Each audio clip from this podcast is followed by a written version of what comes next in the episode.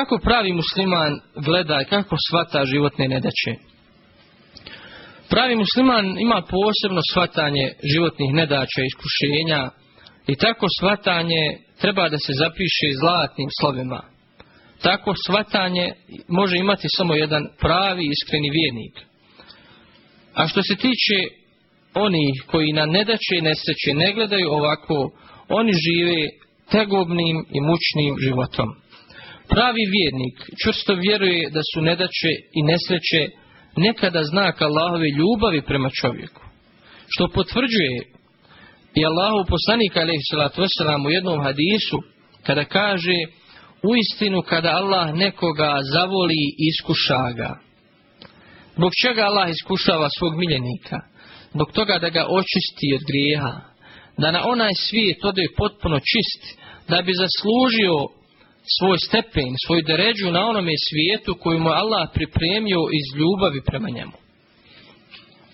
Ovo potvrđuje drugi hadis u kojem poslanik wasalam kaže ako njegova vjera bude čvrsta i iskušenje će biti teže, a ako mu vjera bude tanka, bit će iskušan naspram svoje vjere. Međutim, da bi postigli ovaj stepen, potrebno je dosta želje, dosta truda, dosta odricanja i strpljivosti.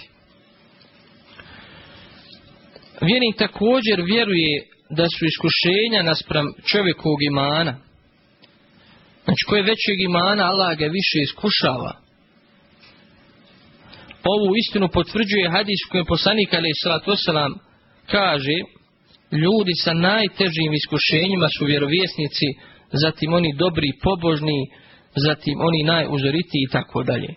Musliman također vjeruje da će biti nagrađen samim tim što bude stavljen na iskušenje, mimo toga što će biti nagrađen za svoju strpljivost pri tom iskušenju.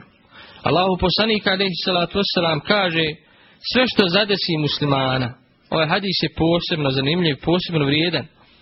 Sve što zadesi muslimana, bolest, umor, briga, strah, tuga, pa čak i trn koji ga ubode, sve mu to briše grijehe. Hadis bilježi Buharija, Muslim i ostali.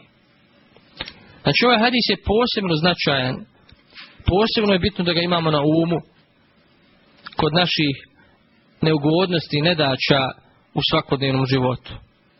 A ako kod sebe uspijemo izgraditi ovakvo vjerovanje, zasigurno ćemo biti smireni i spokojni u životu, istinski ćemo se oslanjati na Allaha i bez ikakvog negodovanja prihvatati njegovu odredbu. Međutim, opet kažem da bi postigli ovaj stepen, potrebno je dosta želje, dosta truda i odricanja i strpljivosti. Jer ovakav stepen vjere, odnosno ovakvo gledanje i poimanje životnih nedaća, može se postići samo uz dosta odricanja, naravno uz Allahu Đelešanu pomoć. I površ svega ovoga što smo naveli, vjernik će za strpljivost koju je pokazao pri nedaći ili nesreći biti od Allaha nagrađen velikom nagradom. Pored toga što smo vjerom uspjeli savladati nedaće i prevazići ih, bit ćemo nagrađeni za tu strpljivost. Kaže uzvišen Allah subhanahu wa ta'ala, samo oni koji budu strpljivi bit će bez računa nagrađeni. Bez računa nagrađeni. Znači bez obzira šta da ga zadesi, vjerniku sa ovakvim vjerovanjem u svakom slučaju je dobro, što potvrđuje poslanik alaih salatu u hadisu, koji često čujemo pa kaže čudno li je stanje pravog vjernika, odnosno čudan je slučaj pravog vjernika, njemu je uvijek dobro. Kaže, takav slučaj je samo sa vjernikom. Ako ga pogodi sreća, zahvaljuje Allahu. Na tome i bude dobro po njega. Jer zahvalnost je i naša obaveza, a i dobro djelo. A kaže, a kada ga zadesi kakva nedaća, strpi se i opet bude dobro po njega. Znači, prevaziđe tu nedaću, ne poklekne i Allah ga nagradi za tu strpljivost. Hadis bilježi muslim.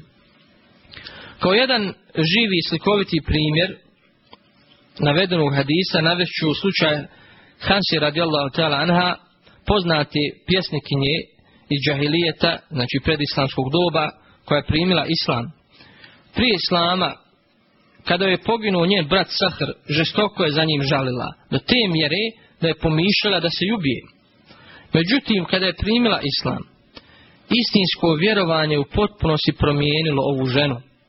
Sa njom su islam primila i njena četiri sina, koji su učestvali u bitci na Kadisiji. Majka ih je u oči bitke posticala na borbu i hrabrila ih. Nakon što je bitka završila, do nje je došla vijest da su joj u jednom danu poginula sva četiri sina. Kakvog li iskušenja i kakve žalosti? Žalost je kada čovjek izgubi jedno dijete, kamoli sa četiri sina u jednom danu u jednoj bitci. Kako je moglo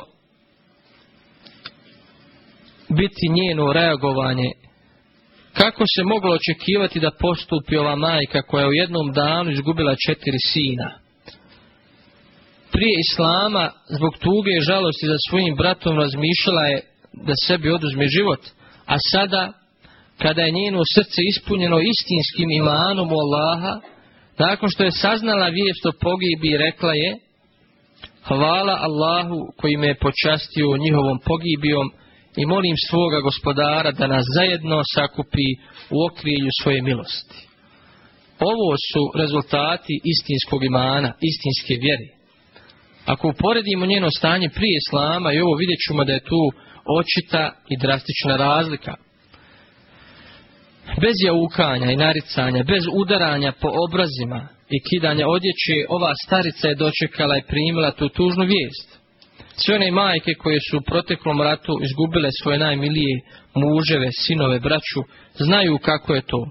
Znaju kakvi su to osjećaj, kako je to, jeli, žalost. Takva reakcija i takvo stanje može biti sam produkt čvrstog vjerovanja u Allah subhanahu wa ta'ala. Sudnji dan i njegovo određenje i nagradu. Znači, takva reakcija može biti samo produkt čvrste vjere u Allah subhanahu wa ta'ala. Mi smo u našem proteklom ratu imali e, zlatnih primjera kako su naše majke podnosile vijesti o, smrti svojih jeli, najmilijih prije svega muževa i svojih sinova. Kao još jedan primjer navest ćemo slučaj Ibn Kajima koji jedne prilike zadesilo iskušenje pa je molio Allaha da mu ga otkloni. No međutim, uslišanje dove kasnilo. Allah nije uslišao njegovu dovu. O tome Ibn Kajim kaže tada sam sebi rekao i ovo je iskušenje.